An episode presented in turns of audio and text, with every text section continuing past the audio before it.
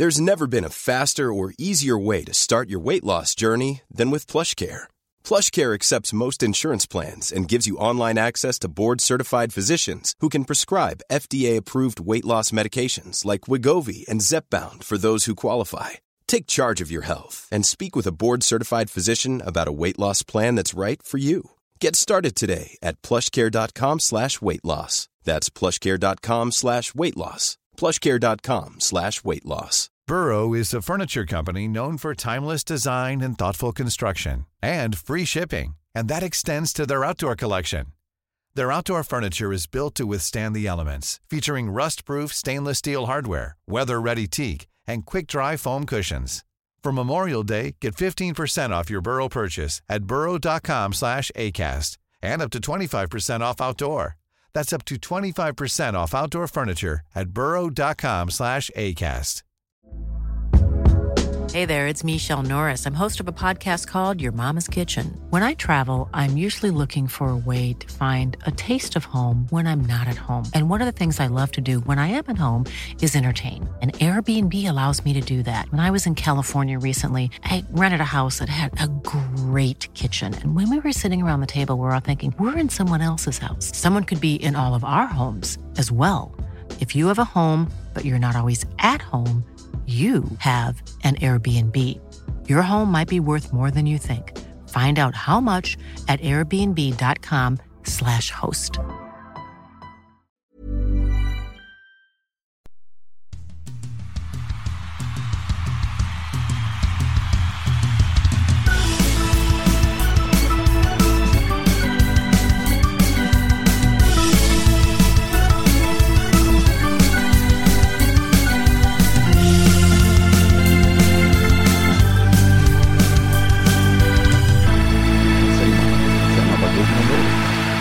Gullmarsplan. Ja, stämmer. Jag höll på att säga Bastuträsk, men det, vad heter det? Skarpnäck menar jag. Finns det något som heter också? Bastuträsk Vi, låter det vara.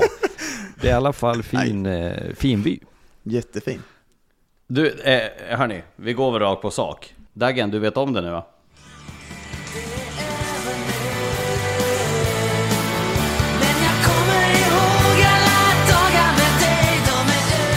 Vad, vad är det som händer? Vad är det som händer Lindberg? Gyllene Tides, det är över nu. Fredrik Söderström klar för Leksands IF om man ska Oj, tro. oj, Som Christer Abri sa, vi välkomnar radio, tidningar och eh, tv och samt framförallt massmedia. Är Du och jag Lindberg nu, vi kan pressa han lite här Söderström eller? Ja men nu måste vi höra Fredrik. Ja.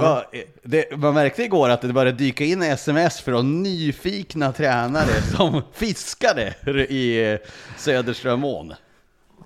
Ja, jag, jag tror inte vi ska spela på det för folk har en tendens att läsa in för mycket. Så vi, vi börjar med att säga det glasklart att jag inte ska träna Leksand, att jag är kvar med er grabbar på TV4 och på Rinkside. Eh, som alltid, det är lite som en så här förkylning som ligger, man vet att den kommer. Så är det när Leksand ska byta tränare, då börjar media spekulera. Jag bor i Leksand, jag kommer från Leksand, jag förstår kopplingen. Men jag var ganska tydlig, jag var på min mammas 75-års kalas eh, när det började ringa i telefonen. Jag förstod att precis vad det handlade om. Eh, så jag svarade och sa nej, jag ska inte träna Leksand. Men du, tack för Fredrik, omtanken, får, Lars. får jag bara fråga dig Fredrik, för du, kan du berätta, för du ri- ringde väl till din mamma och pappa och sa hörni, nu när grannarna börjar ringa här så vet ni om vad som gäller. Ja men jag var, gav en heads up på kvällen där och sa att eh, bara så ni vet, så när ni vaknar imorgon så står det säkert någon som påstår att jag ska träna Leksand. Det ska jag inte, så ni kan slappna av. För då har jag ju en pappa som är eh, eld och lågor över ishockey och eh, en mor som blir fundersam och alltid tänker ska du ge dig in i det där för? Eh, men det ska jag inte. Så att vi, vi, jag tycker vi säger det klart och tydligt. Va? Det där svaret är som en sportchef säger. Sitter säkert, sitter Förtroendet är säkert. stort. ja. Nej, Nej men så här kan man väl också bara konstatera, när det händer grejer, nu har det ju varit lite så det, eh, Thomas Montén fick lämna, eh, Björn Hellkvist, eh, ledsamt nog, eh, har, har en sjukdom som gör att han inte orkar med. Och sen går det några lag lite knackigt så börjar det spekuleras. Och då, det är ju inte så många tränare som är lediga, helt enkelt för att de eh, som gör ett gott jobb, de flesta har ett, ett bra jobb. Och då blir det alltid en liten pool med namn som ska profileras och så ska media hänga på sig. Vilka har vi lediga då? Och så drar spekulationerna igång. Såklart.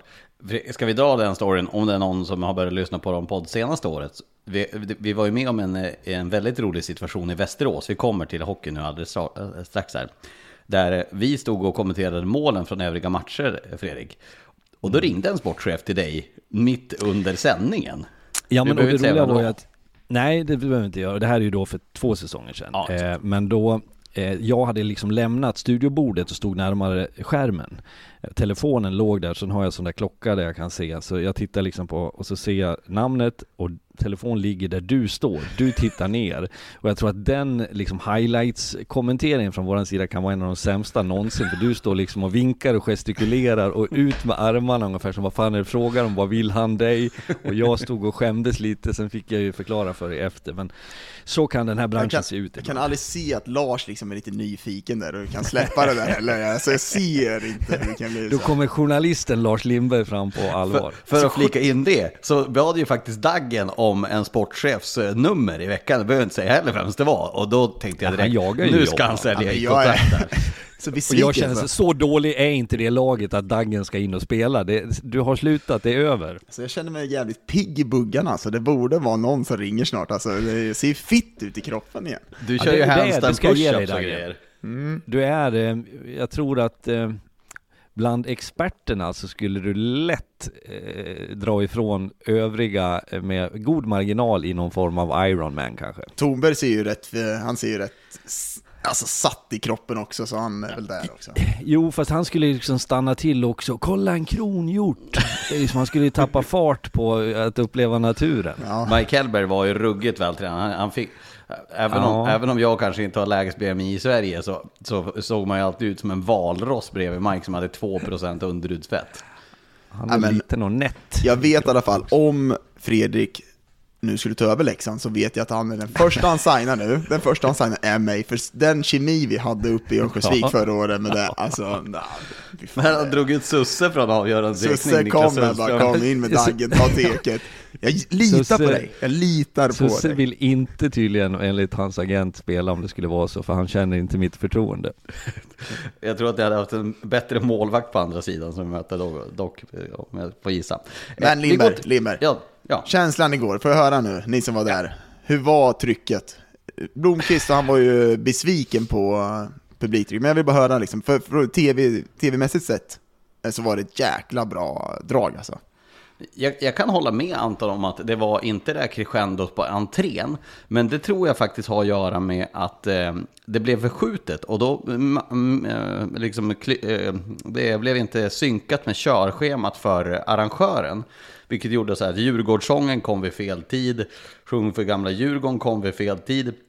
Så det blev liksom lite ofas i arenan och sen när matchen drog igång så blev det som bara hux flux, ja nu kör vi och så bara oj de sjöng, vad ska vi spela? Så det var lite rörigt.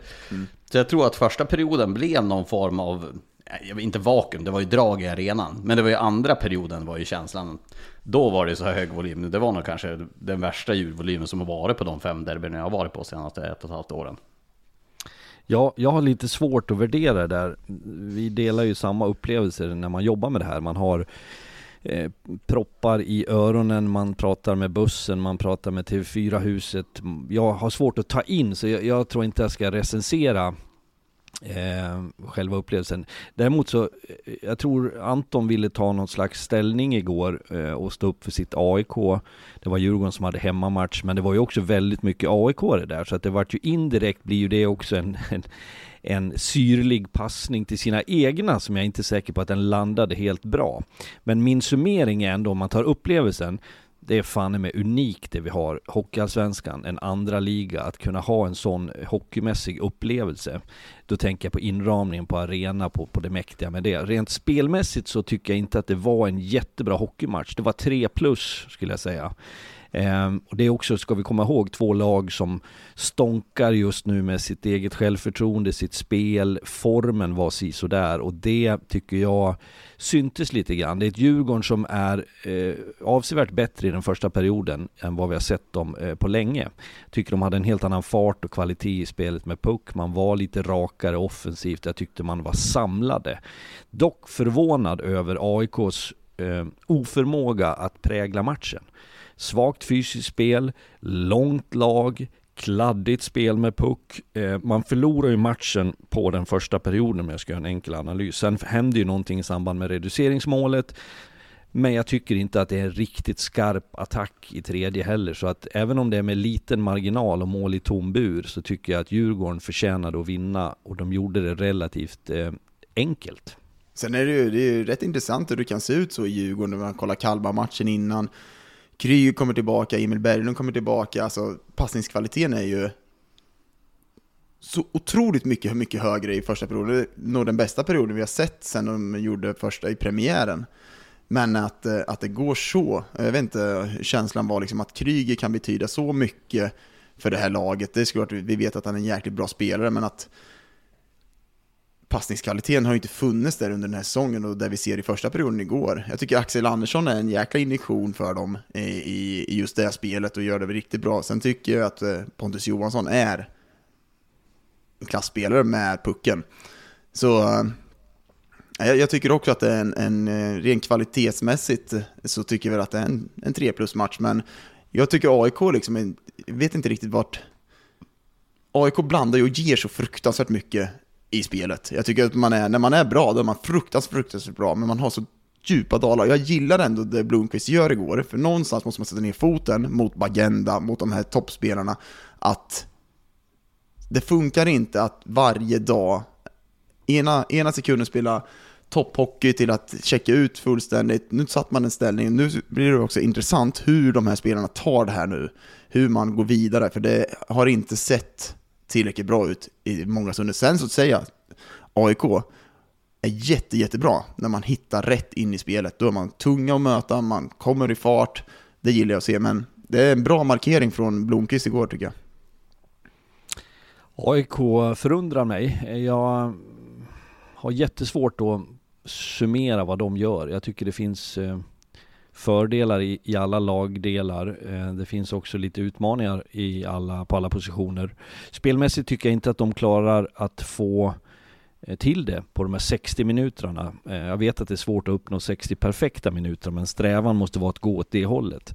Ehm, sen är det stökigt för AIK. Det är någonting som vi pratade med Anton i studion efter och det som tränare vill man sällan använda det som en ursäkt, men det, det, blev en ventil när jag ställde den frågan till Anton. För att med skickligt folk borta, in, hastigt inlånade och signade spelare så, så, så, vänder det upp och ner på saker och ting. Du, du begränsas i din coachning, du skulle kanske vilja markera lite mer men du har en för kort bänk. Så att jag, jag tycker det är stökigt och det gör att det, det bidrar till att jag inte riktigt Va, kan summera upp AIK. Vad tycker du om den markeringen då, Fredrik, som coach? Nej men det är ju en del av en coachjobb. Så det, det har jag det tycker jag är helt rätt. Sen, sen är det ju alltid så här, det finns ju de där man kan tycka, vi har ju haft den diskussionen du och jag Dagen, eh, gällande ett annat lag och en coach som kanske gör de markeringarna utan att ha möjligheter. För det, det får alltid konsekvenser, mm. det ska man komma ihåg. Och, och, när du som, som coach markerar, plockar bort någon ett byte eller två, stryper några minuter,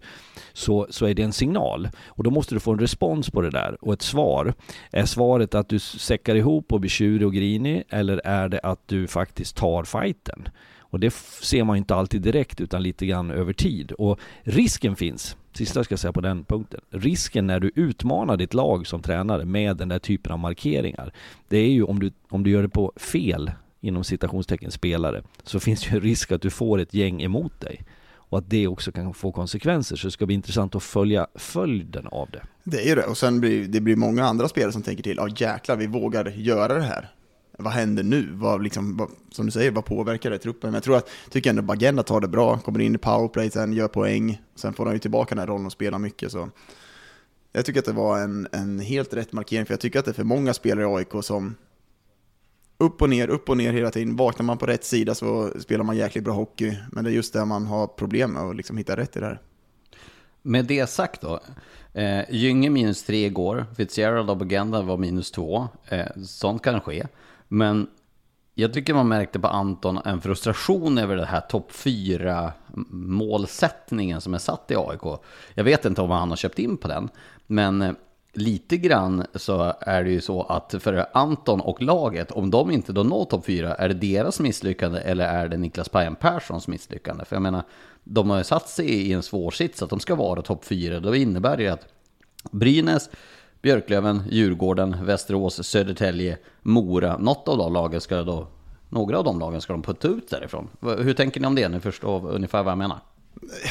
Jag, jag, tycker, jag, jag gillar ju att man har en hög målsättning. Jag tycker att är man inte införstådd när man kommer till AIK, att AIK Hockey har en hög målsättning, så är man fel ute också.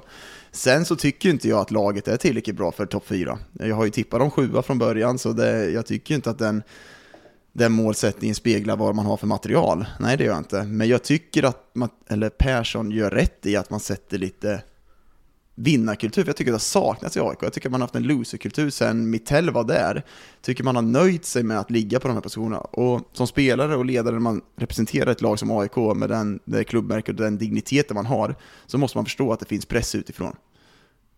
Och klara av det Jag också. tycker dilemmat är att det är ju jävligt lätt att snacka. Att stå och säga någonting. Det är svårare att leverera. I min värld så är det ju tvärtom.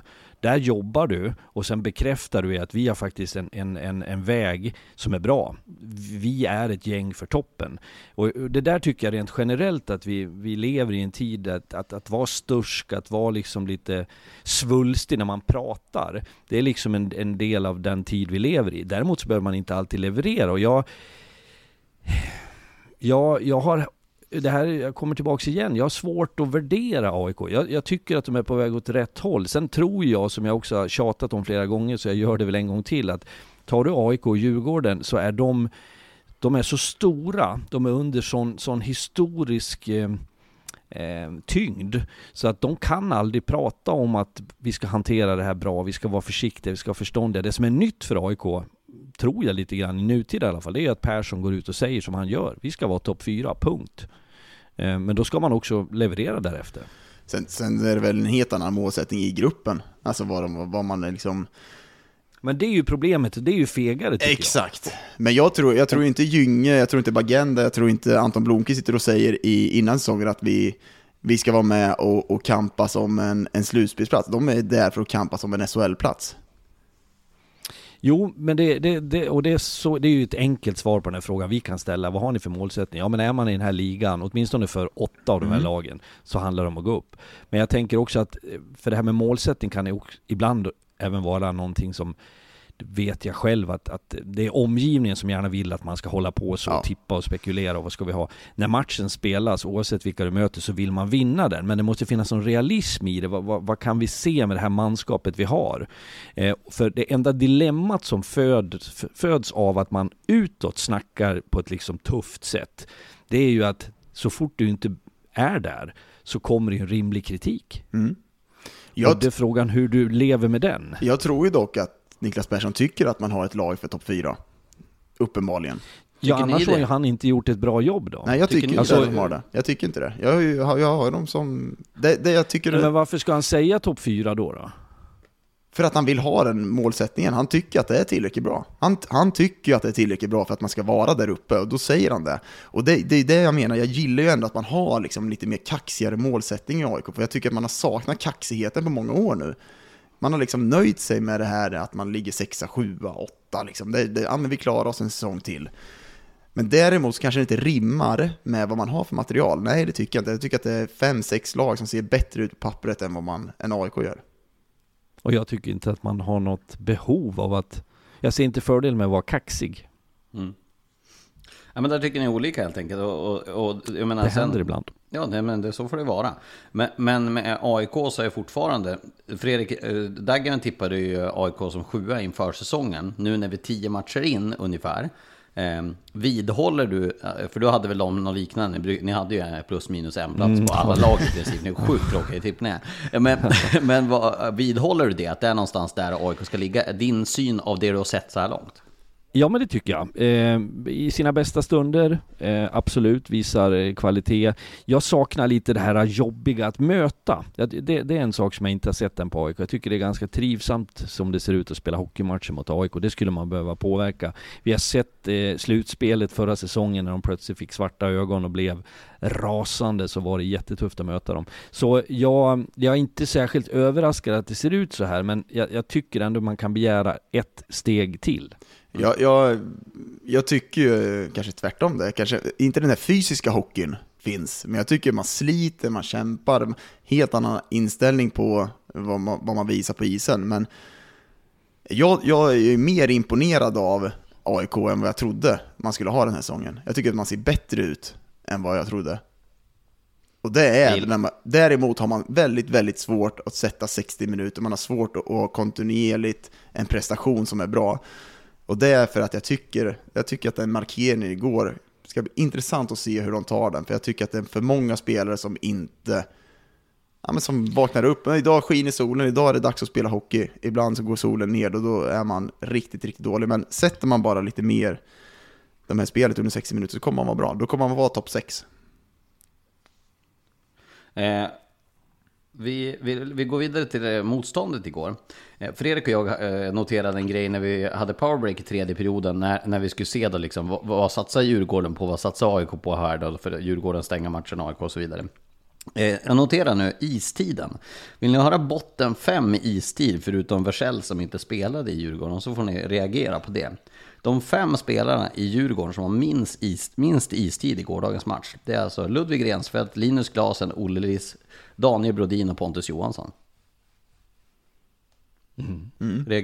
Tankar? Ja, vi, ja, som jag sa då när vi stod och tittade på det där under pågående spel så och dessutom så har vi, pratat någon enstaka meter till bänken så man tittar hur, hur det ser ut och det jag tänker också på det här, Dagen pratade om eh, Antons markeringar igår, att det, det ska vi komma ihåg att det, det är ju ingenting som, jag reagerar inte på att man använder coachningen som ett sätt att markera, för det, det hör till liksom en, en tränares roll. Men det man ska tänka på är alltid konsekvenserna, vad är det för relation mellan spelare, tränare och eh, det här är ju en större fråga i grund och botten, det vill säga som tränare så, eh, jag tror vi pratade om det i förra podden, så det, det är också lite relevant, vad gör jag med min grupp? Eh, vad har jag för förutsättningar att göra, eh, byta ut spelare? Har jag inte så stora möjligheter så måste jag förvalta det jag har, ingjuta förtroende, jobba med utveckling. Det är liksom en ganska komplex grej. Sen att det enstaka gånger kan vara någon som går ner i spelet. Kryger hade ju heller inte vansinnigt mycket istid, men där kan man ju gissa skadad, att va? det handlar om hans eh, fysiska situation. Ja, han har missat några matcher och det var två centrar som hade mer istid än han och det hör ju inte till vanligheterna. och det Nej, svarar inte på frågan, men det, det förstärker ju din oro där om att det ska vara en skada. Ja, men och jag tänker att ibland kan det även på någon av de andra vara så att det kan vara en känning. Eller att matchen är på ett sätt där du kanske ska försvara en ledning så kanske inte Linus Klasen är den som är liksom först på listan även om han klarar av att spela ändå såklart. Så det, det kan finnas andra skäl men eh, det, det, är ju någonting med Djurgården som känns lite upp och nervänt. Mm. Jag håller med, vi var inne på det förra veckan. Jag tycker att Garpens ledarskap är ju ett stort frågetecken tycker jag. Eh, det är okej okay att man går in och gör en markering, men eh, över lång tid, nu tycker jag att både Magwood och Gradin verkligen har lyft sig eh, från den här säsongstarten, men jag vet inte riktigt hur, hur man ska få det att vända för Djurgården. Jag tror inte man kommer vara jag tror man kommer vara bra liksom. Men de måste verkligen börja jobba med det här manskapet och få, har man Linus Klas i laget, då måste man börja få honom att vara bra. Då måste man göra någonting för att han ska bra. Nu står han still och spelar hockey. Då måste man omge honom med grejer, annars kan man hårt sagt skicka honom. För då har man ingen nytta av honom. För just nu så får man inte ut högsta potential av den här truppen. Och det är mycket, tycker jag, av att eh, Garpen inte liksom utnyttjar det materialet han har på rätt sätt. Så jag tror att rent generellt när man värderar från våran position eh, utifrån så vet vi inte alltid hela sanningen. Jag Nej. tänker att man, man som tränare så, så har du dem dagligen, det är samtal, det kan handla om någon spelares eh, privata situation, det kan vara uppsynen på träning, det kan vara en skada.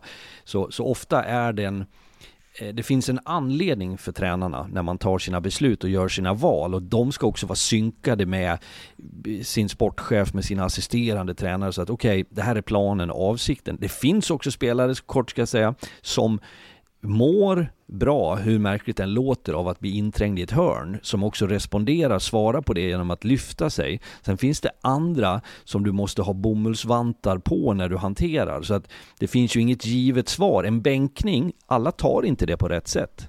Det är väldiga skillnader i hur du reagerar på det. Så att, och där menar jag att som tränare så känner de sina spelare och jag utgår åtminstone alltid från att de gör det för vad de tänker är det bästa för laget.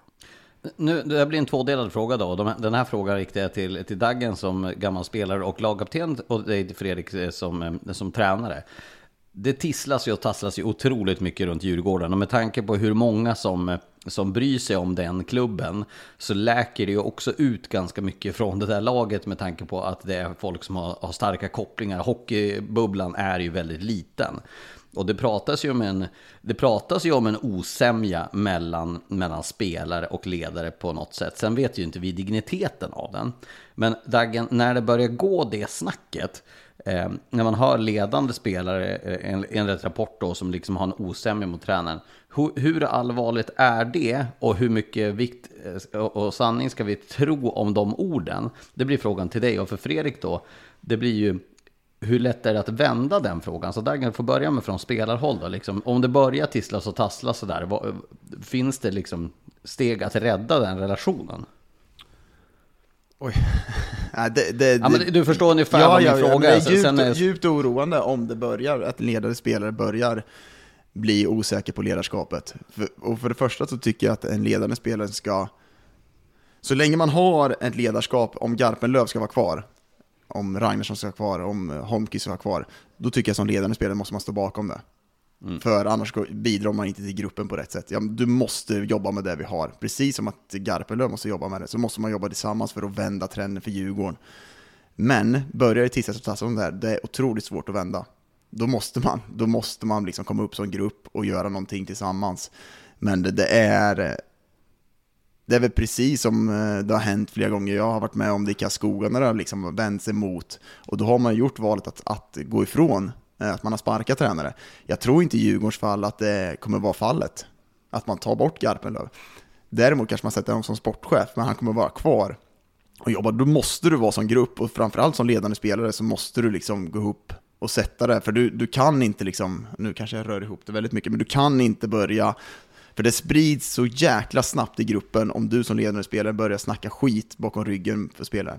Nej, men jag kan ju förklara då från tränarens håll så tror jag att det är vansinnigt viktigt att man behåller chefskapet. Eh, att man vågar ta, för det är en stor del av, av tränarens roll, är att, att också ta obekväma beslut.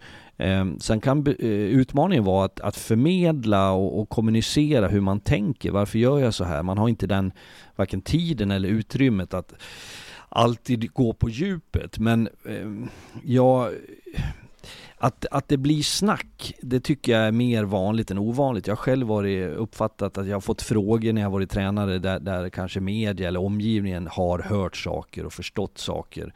I alla lag så finns det någon eller några som har en tendens att, att förmedla kanske lite sämre uppfattningar om vad som faktiskt sker i ett omklädningsrum och hur gruppen mår. Men du måste ta kontrollen över det som tränare och, och, det är viktigt. Alldeles oavsett vilken väg du väljer att gå så är det du som bestämmer, det är du som ska, ska styra det där. Sen kommer man ju, det finns ju en bortre gräns på det där när man har skapat en konflikt. Och det kanske du har upplevt Dagen som spelare, eh, att man känner att, att eh, det är då man pratar om att man har tappat omklädningsrummet. Man når inte fram eller man, man, budskapet tas inte emot. Jag tror inte att de är där. Äh, men det, det är klart inte jag att... uppfattningen heller om. Nej. Det känns inte så. Vi är inte i gruppen. Men det är, det är oroväckande när det kommer det tisslas och tassas lite runt omkring. Men du måste liksom du måste börja hitta rätt i det här, för jag tror inte vägen att gå. De har inte pengar och börja värva saker. Du måste börja jobba med det här som finns här nu. Mm. Sen är det ju eh. så bara kort att, att vinner, du, vinner du hockeymatcher, nu, den här, vi pratade ju om betydelsen av derbyt igår. Vinnaren där får ju en, en, form av arbetsro. Jag tyckte jag såg en helt annan uppsyn på Garpenlöv när du intervjuade honom. Eller rättare sagt såg jag inte, jag hörde det bara för jag var i mm. katakomberna och hade fortfarande kvar de där sakerna i öronen. Eh, så att det, det gynnar ju det hela lite grann och som tränare känner du alltid att när du får med dig segrar, det bekräftar på något sätt att dina val var rätt. Mm. Mom deserves the best, and there's no better place to shop for Mother's Day than Whole Foods Market. They're your destination for unbeatable savings, from premium gifts to show-stopping flowers and irresistible desserts. Start by saving 33% with Prime on all body care and candles. Then get a 15-stem bunch of tulips for just $9.99 each with Prime. Round out Mom's menu with festive rosé, irresistible berry chantilly cake, and more special treats. Come celebrate Mother's Day at Whole Foods Market. Hey there, it's Michelle Norris. I'm host of a podcast called Your Mama's Kitchen. When I travel, I'm usually looking for a way to find a taste of home when I'm not at home. And one of the things I love to do when I am at home is entertain. And Airbnb allows me to do that. When I was in California recently, I rented a house that had a great kitchen. And when we were sitting around the table, we we're all thinking, we're in someone else's house. Someone could be in all of our homes as well. If you have a home, but you're not always at home, you have an Airbnb. Your home might be worth more than you think. Find out how much at airbnb.com/slash host. Burrow is a furniture company known for timeless design and thoughtful construction and free shipping, and that extends to their outdoor collection.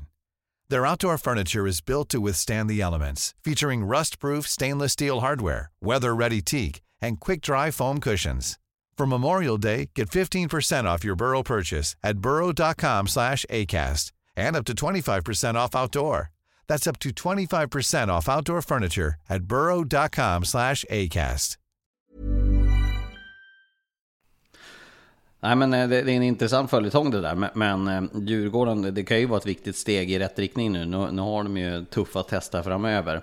Ehm, vi har ju en sjukt spännande match fredag kväll när Brynäs och Björklöven ska drabba samman. Fredrik, du sa ju det igår i sändningen, eh, Daggen, du har ju sagt det tidigare också, att fredag kväll, här får vi kanske de lagen som imponerar mest så här långt med sprängande offensiv i Brynäs mot eh, mot eh, Björklöven och det är ju liksom skyttekungarna möts, Dover Nilsson och Kopacka, du har toppen i poängligan bara det känns ju sjukt kittlande att se Brynäs mot eh, Björklöven fredag kväll.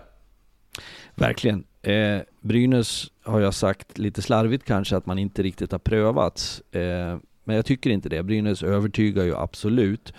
Eh, nu är det på hemmaplan. Jag hade varit mer eh, sugen på att se Brynäs i Umeå om man nu ska prata prövningarnas stund.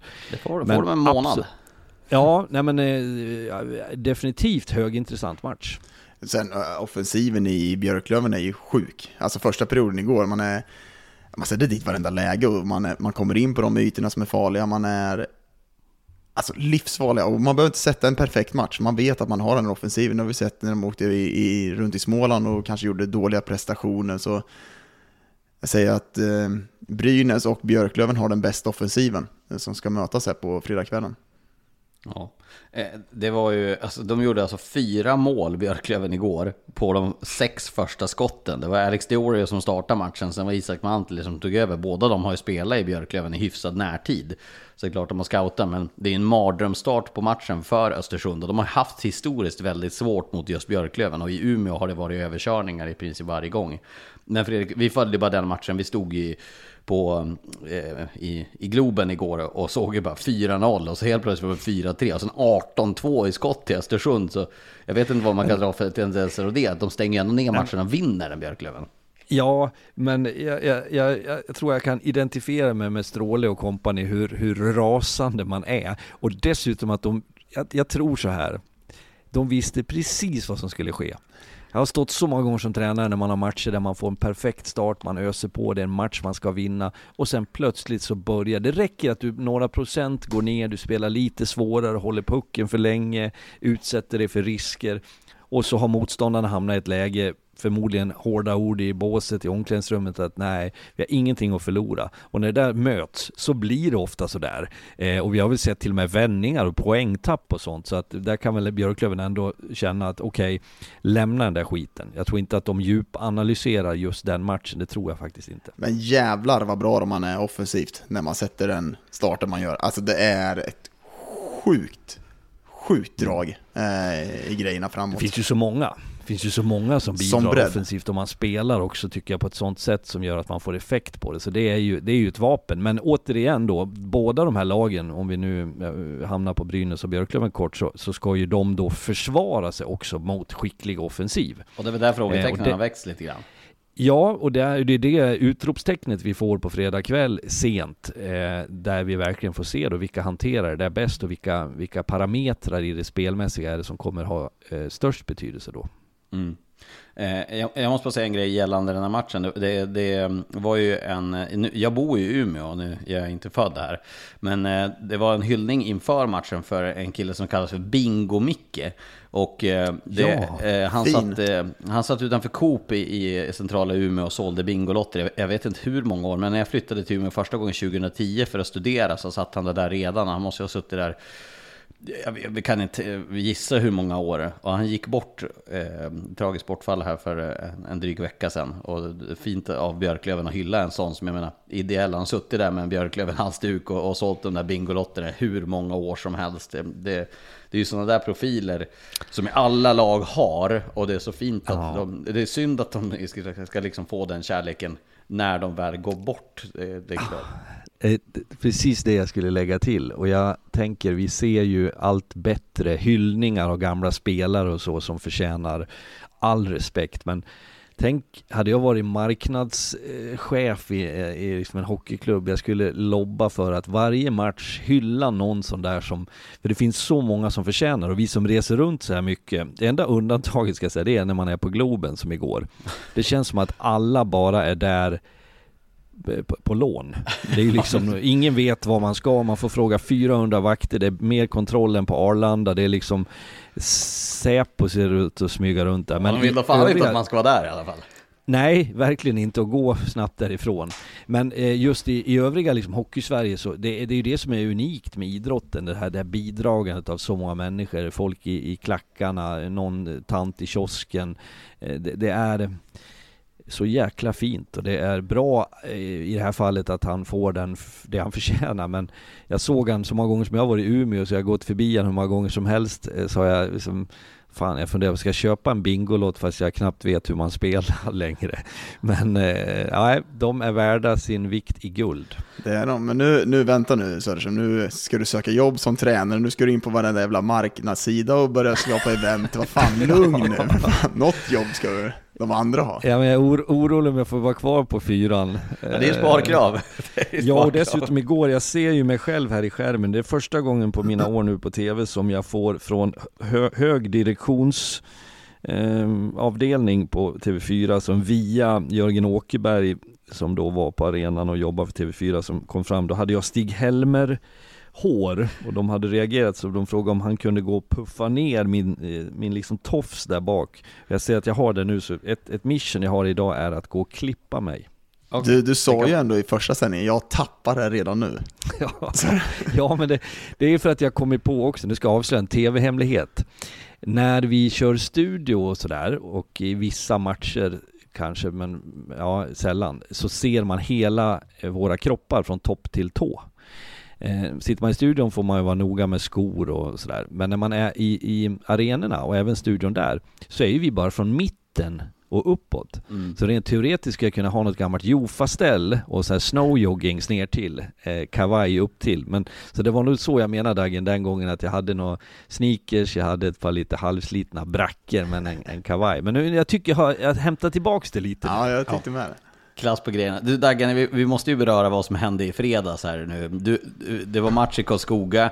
Du bjöd alltså tv-gänget på mm. Daggen mm. special. Alltså, mm. kan vi bara dra den pizzan? För det är ju på riktigt det äckligaste jag hört Ja, i säger, ingrediensväg. Jag säger bara käft. Säger Va, vad är det på pizzan? Berätta för våra lyssnare, vad är det på pizzan Daggen ja, special? Som för övrigt är struken från listan. Nej, det är den inte. Lugn nu, lugn nu, lugn nu. Den du... finns på pizza... Så här är det. Den ja. är struken från den när man går in på internet så står det Frasse special. Han var ju så sur på mig, ägaren för Amadeus pizzeria, Amadeus, världens bästa pizzeria.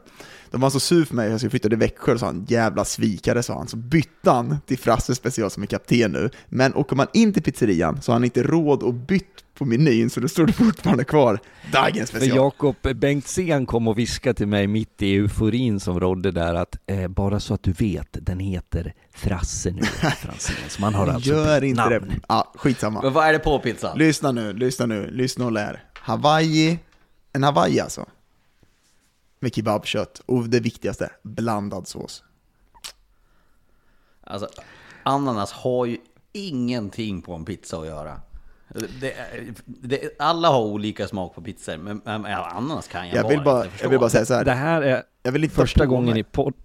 Ja, Jag vill inte ta på mig bara att det är jag som hittar på den här pizzan. Den här har funnits i, det är en tradition man hade i Karlskoga. När man fyller år fick man bjuda upp pizza. Och då var det alltid Hawaii med kebabkött som var prioriterat. Så den är ju, den ju funnits i, min, i mitt är DNA. frågan, hela- vem är den som har satt den trenden? För det är ju den som Ja, men I det här kritiken. fallet nu, det tror jag är första gången i poddens historia som eh, det är inte är ni två mot mig. Nu är det jag och Dagger mot dig Lars. Hawaii, jag förstår att italienarna har åsikter, men det är i grund och botten en bra pizza. Mitt frågetecken var kring den här upplevelsen var när man kryddar på så mycket grejer Mm. att det blir lite mastigt. Där har jag fortfarande mina tvivel. Men i övrigt gott, välserverat, generöst, eh, en sås som, här fick jag säga någonting, jag satt mitt emot Kajsa, hon smakade på såsen och sa mm, nej, men lite småstark sådär.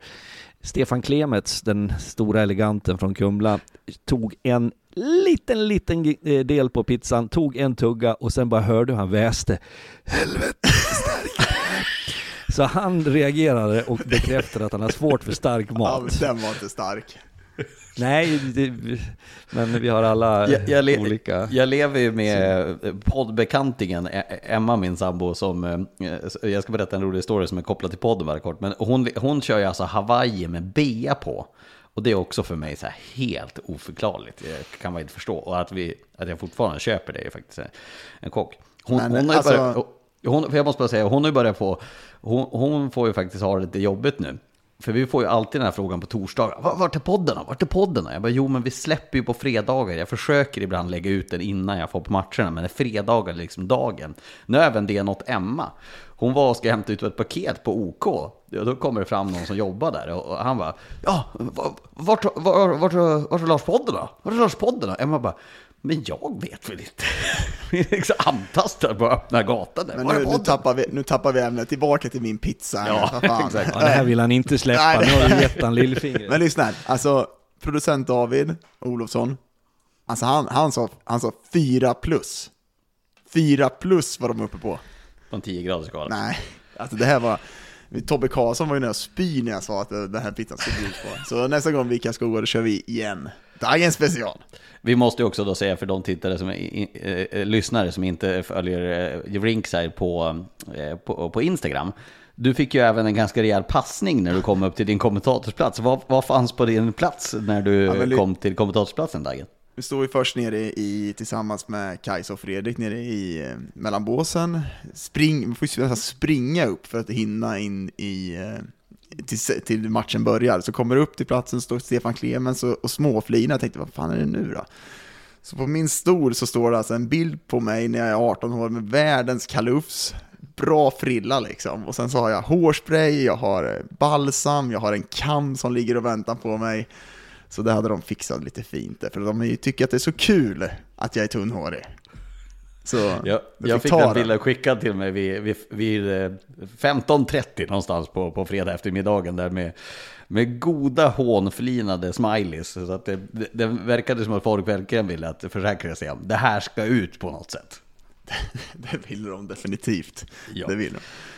Ja, eh, men hörni, ska vi, ska vi ta lite grann om Brynäs? Alltså jag menar, du pratade om Jack Packa inför säsongen, eh, Daggen, om att du, du trodde verkligen på det där. Nu har han gjort nio mål. Eh, och de åker ner till, till den där matchen och, och vinner ändå mot Kalmar. De förlorar mot Nybro borta, vinner den matchen. Jag har inte sett jättemycket av matchen, men, men det som är ju grejen är ju att de får ju de får ju verkligen de ledande spelarna att producera i Brynäs. Och vi pratar om Björklövens offensiv så har ju Brynäs den offensiven också imponerat. Nu Kopek alltså på nio mål. Mm. Nej, men jag tycker att han går från klarhet till klarhet. Jag tycker att... tyckte i Kristianstad att han var ganska begränsad i sitt sätt att spela. Eh, gjorde inte sin omgivning, borrade ner huvudet, körde lite själv, skapade lite. Nu tycker jag att han, han bidrar med spelet i puck. Jag tycker att han är bra i powerplay. Han har, de, det är ett klassnyförvärv de har tagit. Och han är bra tillsammans med den här offensiven. Det finns ju, vi pratar om bredden i, i, i Björklöven, bredden i Brynäs är ju sjuk också. Så, sen har de ju som sagt målvaktssidan, ser fortfarande lite frågetecken ut på. Mm. Det är ju lättare såklart att, att eh, få ut din kapacitet när du är i ett välmående lag. Eh, det lyser ju eh, om, om, om eh, Brynäs på det sättet och mm, jag tycker det som jag, som blir eh, påtagligt för mig är det här eh, det här, den skärpan han har när han tar avslut. Det är inte kladdande, det är inte spela en massa svåra passningar eller skicka bort puckarna utan han är väldigt klinisk, han är distinkt, han, är, han har precision i avsluten och det är ju en, en väl så viktig egenskap. Men Kellers mål igår också när han står still. Han står alltså ja. still och drar bort en spelare och bara och sen bara rätt upp mm. i nättaket. Det där, det där ja, gillar det du Fredrik. Ja, det är ju underhållande, det är effektivt, det är absolut jag, ja, och jag vet att jag, jag retar gallfeber på en och annan när jag säger att ja, ja, men hur många bevis ska du ha innan du säger att de är, är, är liksom alldeles lysande? Men det är 10-11 matcher spelade. Eh, vi har inte sett dem mot de bästa lagen. Jag ser fram emot fredagskvällens prövning där. Får du några procent mindre yta, lite mindre tid, möter ett annat samlat lag, vad gör det med dig? Eh, så att följa det här, den, den suveräna starten, följa upp den kommer ju vara intressant. Nu får de en kontinuitet i alla fall, för nu får de köra Indrashis tillsammans med Kopacka och Johan Larsson. De har, de har fått ett gäng matcher tillsammans nu efter Larssons ryckiga start. Så det är ju, eh, jag menar, eller jag ställer en fråga av det. Hur viktigt är det att de får spela ihop de två första ledande kedjorna? Om man då kan ha AIK i beaktning, som ju knappt har spelat ihop sina kedjor under försäsongen. Nu kan Brynäs ha den kontinuiteten. De vet att det är Wessel, Rödin, Kelleher. De vet att det är Indrashis, Kopacka och, och Larsson. Det finns en liten eh, eh, sak med det där som man ska tänka till på. Det är, du säger det själv, de har saknat hela tiden någon bra spelare. Mm. När man samlar alla, alla är hela friska, alla är där, så gör det också någonting med hierarkin, med rollerna, med tydligheten. Daggen, du och jag pratade i Gävle om eh, fjärdelinan då med de här unga killarna som var väldigt bra. Och du sa till mig, ja men vi stod och surrade om dem där, så då hade de snittat 10, 10 och en halv minut ja. ungefär. Och så, och så svarade jag till dig, ja men de ska inte spela något mer. Och jag tror att första reaktionen du hade var ungefär som att jag tyckte att de inte var bra. Jag tycker de var jättebra. Men börjar de och ska äta minuter, så alltså ska du ta det av någon annan. Så att det här pusslet när du har ett jättebra lag, eh, det är den utmaningen som gruppen, tränarna har att, att liksom hitta en, okej okay, jag får krypa ner någon minut för nu är den tillbaks. Det är också någonting man ska ta i beaktande. Men som svar på din fråga Lars, ja, ska Brynäs vara ett topplag hela vägen och ta det uppenbara målet att ta sig tillbaka till SHL, då måste man ha tydliga formationer, rätt spelare som levererar match efter match. Sakta eh, tittar du ner på minuter, men att alla har en betydelsefull roll. Som spelare så vill du ha kontinuitet. Du vill ha Eh, känslan av att du vet vad den andra ska göra, att man får, om man haft en första kedja som varit riktigt, riktigt bra, de har spelat ihop sig, kan man få en andra, tredje kedja, fjärde kedjan är ju bra så. Men eh, det är jätteviktigt för att man ska få kontinuitet på de här spelarna. Eh, jag tycker att det var en eh, intressant grej att höra med Johan Alsen. Vi, vi har ju pratat jättemycket om HV71 för två säsonger sedan, att de kom ner i Hockeyallsvenskan, sa från dag ett att det här är inte det laget vi kommer att spela slutspel med. Vi kommer att förstärka, vi kommer att toppa, så alla i laget är inköpta på det. Nu hörde jag en intervju med Johan Alsen, där han sa rakt av att jag är i princip 100% säker att det kommer komma in ännu mer förutom eh, Ben i laget. Vad säger ni om det? Eh, på, på HV71 berömde vi den strategin att man är supertydliga med. Det kommer in mera. Det är ju helt rätt här också. Ja. Det är ju givet. Mm. Jag tror inte att det är något konstigt heller. Däremot bara för att ha det sagt. Att säga det eh, på sommaren och acceptera det, det gör alla.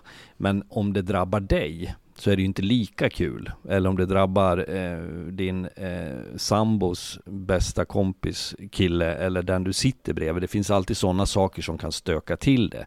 Men HV71 gjorde det bra. Modo hanterade ju det på ett bra sätt förra året. Det jag tror att de gjorde, ju mer jag funderar på det, jag menar inte att de plockar poäng för att de visste att nu får vi lite stökig period, men man hade skaffat sig ett jättebra läge när man började plocka in tyngre namn, hamnade i en period av lite stökigheter internt och då menar jag stökighet i form av man tappade spelet lite grann, man fick inte igång de som skulle vara riktigt heta. Men då hade man tagit höjd för det, man hade förstått det och man tittade ut på andra sidan stärkta. Och det får vi förutsätta att Brynäs också eh, förstått. Mm. Hörrni, har vi norra Europas tydligaste anmälan till disciplinnämnden att hantera idag. Kyle Topping, alltså med den debatten som har varit, för vissa har den varit på svenska, men att Kyle Topping går in och crosscheckar en domare, alltså det är ju sånt hjärnsläpp så det finns ju, det, han måste ju ha sett fel, alltså det kan ju inte vara meningen, men alltså, Jag tror, det är helt nej, det är galet. Nej men han vill ju, han vill ju liksom, han vill ju se pucken, han trycker till lite på domaren det, det, det, är inget att snacka om, han kommer bli avstängd såklart. Ja, men, men det, det, är såklart att det inte är att han vill alltså, trycka till en crosscheck in i Ja men du kan inte hålla på och trycka bort domare från situationen. nej, på nej. Det är, är det någonting vi är överens om i, hockey, i svensk hockey, att du rör inte domarna medvetet? Nej, jag tror mer att det är en, alltså en att det sitter, alltså han, vill, han vill se pucken, han vill skapa en situation som att han liksom kan vinna den. Och sen vill han liksom trycka bort domaren lite. Det är, det är såklart att det inte är något fult uppsåt med det han gör, men det är ju ett hjärnsläpp såklart. Ja. Jag tror man ska ha förståelse för också att i hög fart, i, i hög puls, i trötta ben och huvuden så en hel del av de situationerna som vi ibland kallar för hjärnsläpp, oavsett om det är en dålig passning eller om det är en sån här situation, så, så är det ju, jag tror att det är väldigt viktigt att verkligen understryka att ingen går ut för att vare sig köra över en domare som vi såg eller crosschecka ur tänderna. Men det, det var ju Johan Thornberg, vi pratade om det lite igår Fredrik efter matchen, att domarna har faktiskt varit riktigt, riktigt bra inledningsvis i den här säsongen. Det har inte varit några stora, hade varit debatter om disciplinnämnden såklart, men Överlag, ja, men det är två helt olika saker. Ja, det, det, är det jag vill säga. Det, har varit, det är inte domarna, men det faller ju lite på domarna på ett sätt. Det gör det. Att det blir något mycket snack om att det är fel på domarna. Men de har varit jäkligt bra, de har konsekventa i sitt sätt att döma och det har inte varit några stora situationer som blev eh, något problem. Jag tror att det stod folk upp i halsen förra året när det var så mycket tjafs och diskussioner och gnäll. Media, vi har en väldigt viktig del. Jag kan säga att vid tillfällen under den här hösten så har jag varit med om att vi har tagit det beslutet att det finns ingen anledning att vi ska titta på den där situationen igen för att hitta ett möjligt fel. Det här handlar inte om att vi suddar undan fel. Det handlar inte om att vi skyddar domare. Det handlar bara om vad vi prioriterar. Titta på att vi har en förståelse för att ibland blir det också lite fel även för domarna. Men som Tornberg sa efter sändningen igår, jag hade det på tungan och mm. skulle tänkte det för slutstudion. Helt rätt. Jag tycker det var en alldeles utomordentlig insats i Globen igår från domarnas sida. Ser man matchledarskap Dagen, alltså att domarna ledde matchen på ett bra sätt. Det var, de, de satte ju en väldigt bra nivå på att de tillät sig det där derbyt. Det var min känsla. Ja men det är ju matchledarskap. Jag tycker väl att, eh, nu kommer folk säga att du är kompis med västen, bla bla, men det är hans största styrka, matchledarskap. Han har en bra känsla för hur matchen går. Eh, man brukar prata om att det liksom, matcher går upp och ner hela tiden, man ska följa med i sitt domarskap liksom. Och jag tyckte det var jätte, jättebra. Och framförallt att man lät det också vara lite hett när det blev lite hett också i andra perioden, där att man lät dem gå loss lite jag tycker om, nu kanske jag har eh, sonat mitt straff efter några år som inte tränare så att säga. Men jag tycker om när domarna blir förbannade, när de biter ifrån, när de talar om att nu, nu, nu, nog är nog, nu håller ni käften i båset här. Och jag såg ett antal gånger igår som domarna faktiskt var fram och, och satte ner foten och det när du har en för, jag menar det är väl hela samhället, du kan ju inte krama eh, och bjuda på saft och bulle i, i, när folk inte gör vad de ska. Det finns en dialog, det är bra. Man ska ha ett öppet sinne, absolut, men du måste också kunna sätta ner foten. Jag vet när jag var i Schweiz där det var fransk och tysktalande domare som jag, jag, gudarna vet vad han skrek till mig, men jag fick så mycket skäll och jag svarade på svenska och sen insåg jag att det här kommer jag aldrig att vinna och jag tror att man behöver en, en tydlig linje från domarna och det känns som att den har varit bättre den här säsongen. De har ju ändrat sitt sätt lite eh, också, i sättet man ska följa med matcherna på ett helt annat sätt. Är matchen hög, då måste man ta upp det lite. Går den ner kanske man inte behöver ta lika mycket. Så jag gillar ju det sättet att döma hockey. Eh, det tycker jag är ett bra sätt. Ja. Eh, vi går över till, nu är han där, i toppen. Marcus Eriksson toppar poängligan i Hockeyallsvenskan. Ah. Kolla matchen Karlskoga, kolla igenom den. Alltså jäklar vad bra han är. Alltså jäklar vad bra Marcus Eriksson är när han. Nu ser jag att Söderström zonar ut lite här, jag ser att det börjar bli... Jag sitter nej, göra. men låt mig säga, vad ska du prata om på fredag kväll Dagen? Om du ger en liten vink. Ja, jag vet, Så vi ska prata... Så du får vara, sy ihop sakerna. jag vet. Ja, men jag tycker att när Marcus Eriksson vaknar på det här sättet, alltså spelmässigt, eh, han är inblandad i nästan allt som Södertälje är framåt och ja, han, det, är, det är en av de bästa offensiva spelarna vi har i den här ligan och att han är så här bra tidigt in i säsongen, jättebra. Men sen så kommer det saker som är Södertälje. Eh, jag tycker det går att man gnuggar på, eh, som man kanske inte har sett innan den här säsongen, men de har ju Kollar man på Södertälje så har de statistiskt sett så är de ett av ligans bästa lag på nästan allt. Men det man har problem med är att, som man kanske hade förra året, så man prioriterar försvarsspelet till punkt och pricka liksom varje match. Man hade en ödmjukhet till att, att ligga i försvarszon, man hade en ödmjukhet till att chippa ner puckar. Jag tycker man nu kanske i vissa delar är rätt oödmjuk i sitt sätt att spela. Och Marcus Eriksson kan vara ett problem vissa gånger där, för att han inte köper det. Han ska få ha den rollen. Han ska få försöka hela tiden. Han ska försöka slå den avgörande pass, passningen.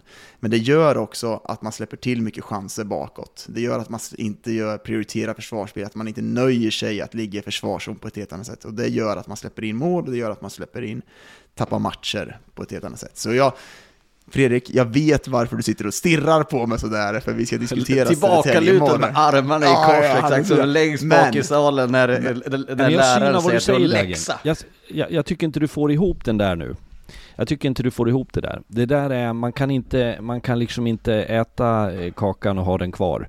Eh, man måste välja spår lite grann. Sen kan vi såklart isolera och prata om Marcus Erikssons höga skicklighet, absolut. Men det är också ett dilemma för, för Södertälje som har en helt annan offensiv den här säsongen och har man den så behöver man använda den, vilket på något sätt eh, stör och påverkar den egna helheten och det där är ju ett, eh, ett dilemma just nu tycker jag. Ja, det, både och skulle jag säga. Alltså jag tycker att eh, om man kollar på deras spel så tycker jag att man fuskar lite. Till exempel i forechecken så fuskar man lite, man går bort sig lite för att man inte prioriterar det som jag var inne på. Men jag tycker fortfarande att Marcus Eriksson måste få vara den spelaren han är. Jag tycker inte att det är problem. Då måste du omge honom med spelare som är ansvarstagande, som tar upp de här rollerna, som, som sätter honom i de situationer där han kan vara eh, lite mer friare.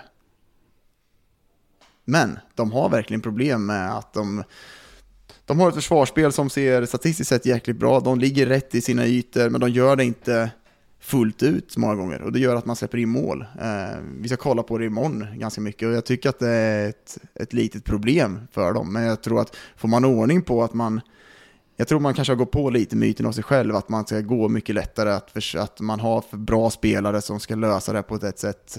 Och man nöjer sig inte med att kanske som förra året så låg man i försvarszon kanske i 59 minuter, man vann med 1-0 mot Västervik. Då var jäklar vad bra, fan vi är tillbaka, vi vinner de här matcherna.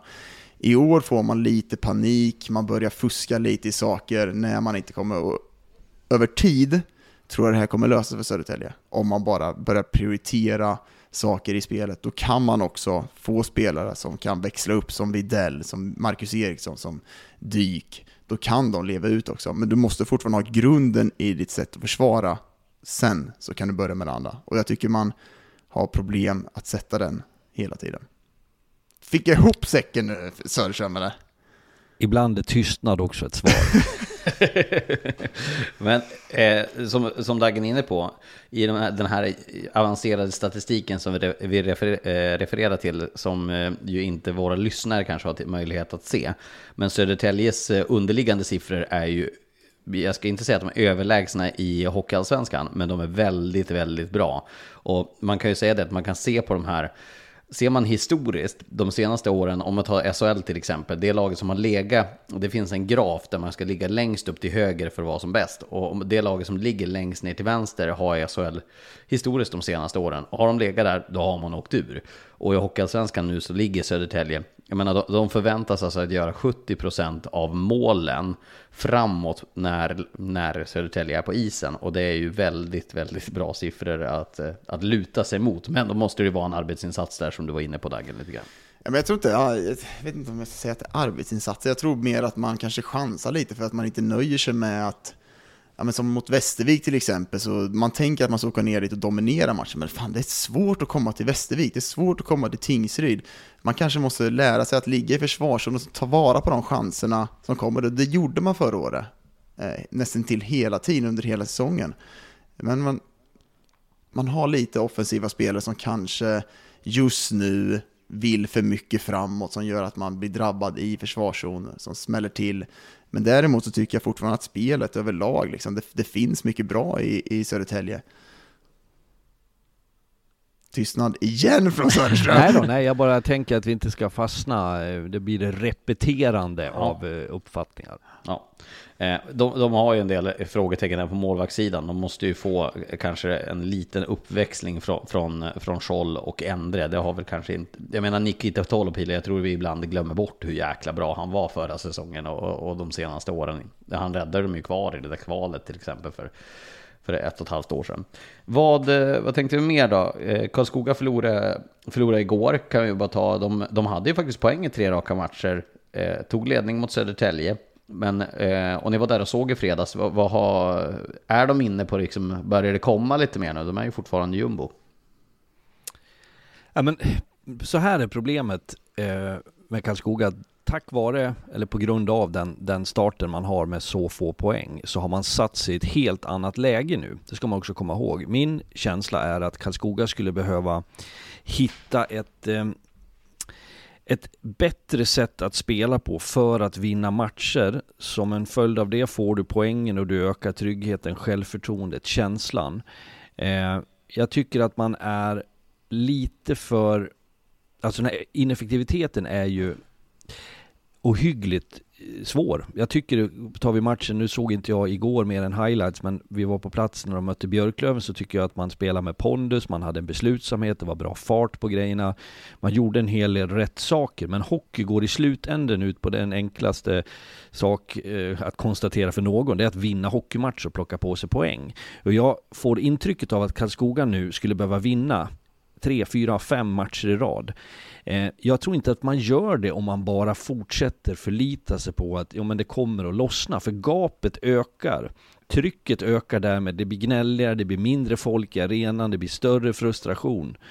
Eh, och en hel del av de här sakerna är eh, ett problem just nu. Och ja, det kan låta gammelmodigt, men ibland kommer man i lägen med lag där man måste tänka så här, hur ska vi överleva det här? Hur ska vi korrigera våra spel? Vi kanske får vara lite snålare. Vi kanske får göra avkall på den här stora visionära planen om hur vi ska spela för att vinna matcher. För att sen börja om på den resan. Förstår ni vad jag menar med det? Ja, mm. och det är just det de behöver göra nu. De behöver överleva.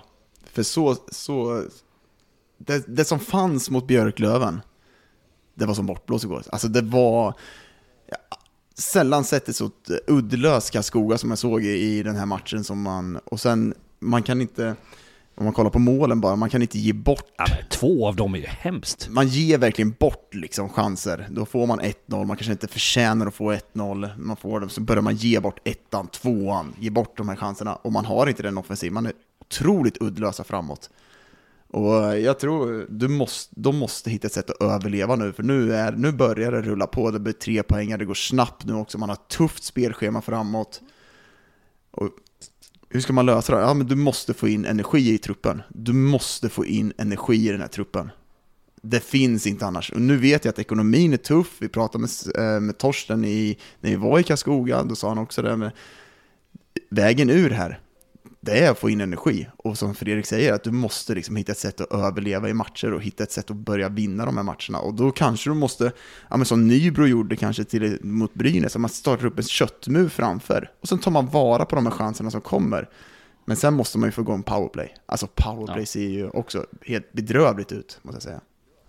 Ja, det, de ligger, det är ju faktiskt eh, Djurgården sämst, sen är det Karlskoga och Nybro som alla ligger under 8%. Jag tror det är 5 på var Djurgården 5,5-6 där på, på Karlskoga någonstans. Och lite, lite bättre där på Nybro. Men då var inne på spelschemat. De möter alltså nu Västerås, rivalmöte, Djurgården, förvisso på hemmaplan och sen borta mot Mora. Så nu kommer det ju tre här intensiva, tuffa test för, för Karlskoga de kommande tre matcherna. Studsar vi vidare ja. ska jag säga att jag eh, blir eh, imponerad av Västervik. Ja. Eh, ett Västervik som vi har kastat åt hajarna och sagt att det ser illa ut, det är trögt, de får inte till någonting. Eh, så slår man Södertälje hemma och så åker man till Uppsala och möter ett Almtuna som vi vet är bra och får med sig två poäng. Det säger inte mig att Västervik har påbörjat en resa som kommer sluta i toppen, men det är bra för ligan, det är bra för eh, Västervik såklart som lag och grupp att man har hittat ett sätt att spela på. Jag tror att de är också i den båten lite grann med att plocka på sig poäng. Kosta vad det kosta vill. Spela smart, spela slukt. Ehm, för det här att, att leda matcher, föra matcher, vara spelmässigt eleganta. Det är bara några få lag som har råd att kosta på sig det. Sen är det väl också i den matchen också möter de Almtuna som du säger, bra. Alltså jäklar vad spelskicklig Almtuna är återigen den här säsongen. Och sen har man hittat rätt i ett powerplay.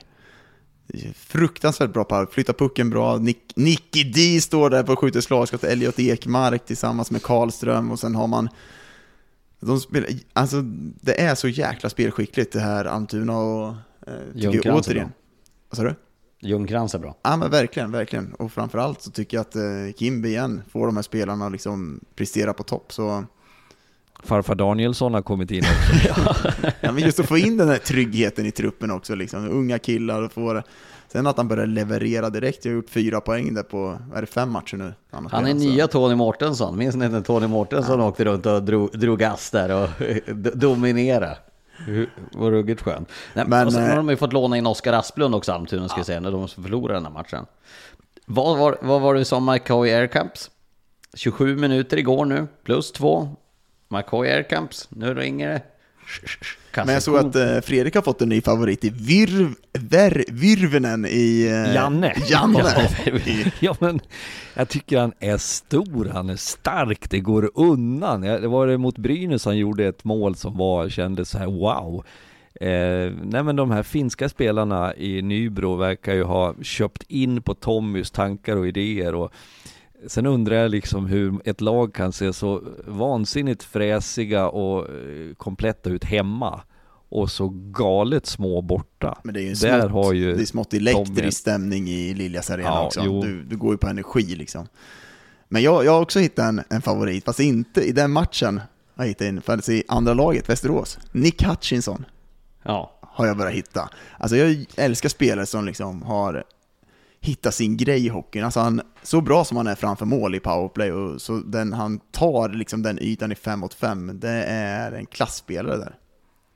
Jag skrattade till igår Lars, du sa ju fel och du rättade dig själv, det gör vi ju ofta. Men du sa Alex Hutchinson när vi ja, körde någon summering där och det fick mig att tänka på att jag saknar ju Alex Hutchins i, svensk, i Hockeyallsvenskan. Det trodde jag aldrig att du skulle säga. Nej, men eh, någonstans så var det ju en profil på det mm. sättet. Han, han retade ju även gallfeber på mig. Eh, som, som tv-expert, som vi så fint kallas. Men just att man stod och retade sig på att nu nu har han vevat igång någonting, men det gjorde ju någonting med upplevelsen. Däremot tror jag vi har kortat Björklövens matcher med i snitt tre minuter ja. sen han lämnade. Eh, Hugo Fransson för övrigt, han får spela matcher, hoppa mellan där nu. Det är bra för pojken. Ja, de ska spela den där rollen. För Ett tag i alla fall. Eh, vi ska ju till Småland. Det är ju eh, Smålandsderby på onsdag nästa vecka. Mm. Då är det Nybo, Nybo Kalmar. Nybo Kalmar. Då tror jag folk har tagit känslighet. och då är det, men det är inte samma, det var som igår när jag knallade, eh, jag åkte ju då tunnelbanan eh, från hotellet där och så Var det du som sabbade gröna linjen då? Ja, men det var någon knapp på en sladd där jag råkade pilla till den där, så då vart det stående. Men hur som helst, jag kommer till Globen och så går jag då mellan jag sitter och tittar ut genom fönstret nu, jag hör sirener. Ja, där jag bor hör man inte det så ofta. så det har hänt. Jag till bara, vad jävlar är det poliser här i stan? Det är helt otroligt. Det kommer en till också, jag vet inte om ni ser det i bakkant. Jag kan vrida upp här. Ser ni? Ser ni ja. Razzia Nu är det något på gång. Då, kommer man från landet som jag gör så tänker man alltså, nej, nu har det hänt något. För så är det där jag bor liksom. Hör du sirener så blir det nästan att du går över till grannen. Hörde du att det tjöt vid halv tolv? Har du, har du hört något? Ja, Bosses korade runt Nej men då kan det vara, då är det på, det finns en Dövas folkhögskola. Eh, då, då har brandlarmet gått där, så då, eh, men de har löst det. Men nu tappar jag tråden, vad pratade vi om? vi pratade om favoritspelare som du... Ni, nej men Nybro, nej Nybro sa jag, det är derbyt, att när jag kryssade mellan Hovet och Globen igår så stod det ju det kan inte ha varit färre än 50 poliser 60 i en grupp. Först tänkte jag så nej nu har de gripit en och så står alla runt sådär men sen förstod jag att de hade väl utkommendering. Och så såg vi lite civila poliser och vi såg eh, Ja, det var ju ett uppbåd av eh, sånt folk som inte jag tror, och det var min poäng, i derbyt i Nybro så tror jag inte att det behövs lika mycket bevakning. Nej, det tror inte jag heller. Men det kan nog vara läge för lillördag med eh, Nybro-Kalmar, då är det nog storlördag i Nybro. Eh, ska jag slå det på käften? Fasiken, kom så gör vi upp bakom på lådan där va? Visst i fan ska Håkan Lundgren in i sändningen på onsdag. alltså på riktigt. Nu är det andra chansen här nu. Är han inte med på onsdag, då stänger jag av tvn och så sen då ringer jag till er under sändning tills ni svarar och säger in med Håkan. Ja, jag eh, får ju ta bort Linus Eklund som ska kommentera med mig i den matchen, så får han hoppa in lite så man känner one man show. Så kan inte du bara hämta, hämta Linus på flyget och sen knyta ihop han i lite bubbelplast och så sen slänger vi har ingen. Håkan Men jag har lösningen. För jag ska resa med honom och Staffan, eh, Harvig, vår producent, från Stockholm med, tåg. Så jag är inte den som är den, men eh, vad sägs om en eh, snabb, det kan ju vara något stopp efter vägen där jag säger Alvesta. Linus, kilar du ut eh, och köper en dosa snus åt mig i Alvesta? Och sen drar vi. Men eh, vi ska ju stanna på Hasse C. gubbar, Nybro-gänget. Ja, jo, vi har stora visioner. Just det. Nej, Håkan Lundgren måste in på onsdag. Jag, jag hade gärna sett ett sidospår. Att, eller bara att Håkan kom in när det är riktigt dåligt från Nybro. Det äh, för, för jävla dåligt. Eller om det blir en tillhetad situation bara. Då, då drar vi upp Håkans mick. Slå på käften! Ja, det, vi får se. Vi får se Lars vad som kan komma. Ja, jag hoppas, jag hoppas. Men det, ska vi summera då, eh, det från dagen och så ser vi fram emot, eh, det crescendot av den här veckan blir ju ändå Brynäs mot eh, Björklöven på fredag kväll 20.30, det får man ju faktiskt säga. Något att tillägga, eller ska vi wrap it up? Jag tycker vi stänger igen butiken för dagen. Det gör vi. Eh, trevligt att ni har lyssnat och eh, vi hörs och ses snart igen. Ta hand om er. Tja! Mom deserves the best, and there's no better place to shop for Mother's Day than Whole Foods Market. They're your destination for unbeatable savings, from premium gifts to show-stopping flowers and irresistible desserts. Start by saving 33% with Prime on all body care and candles. Then get a 15-stem bunch of tulips for just $9.99 each with Prime. Round out Mom's menu with festive rosé, irresistible berry chantilly cake, and more special treats. Come celebrate Mother's Day at Whole Foods Market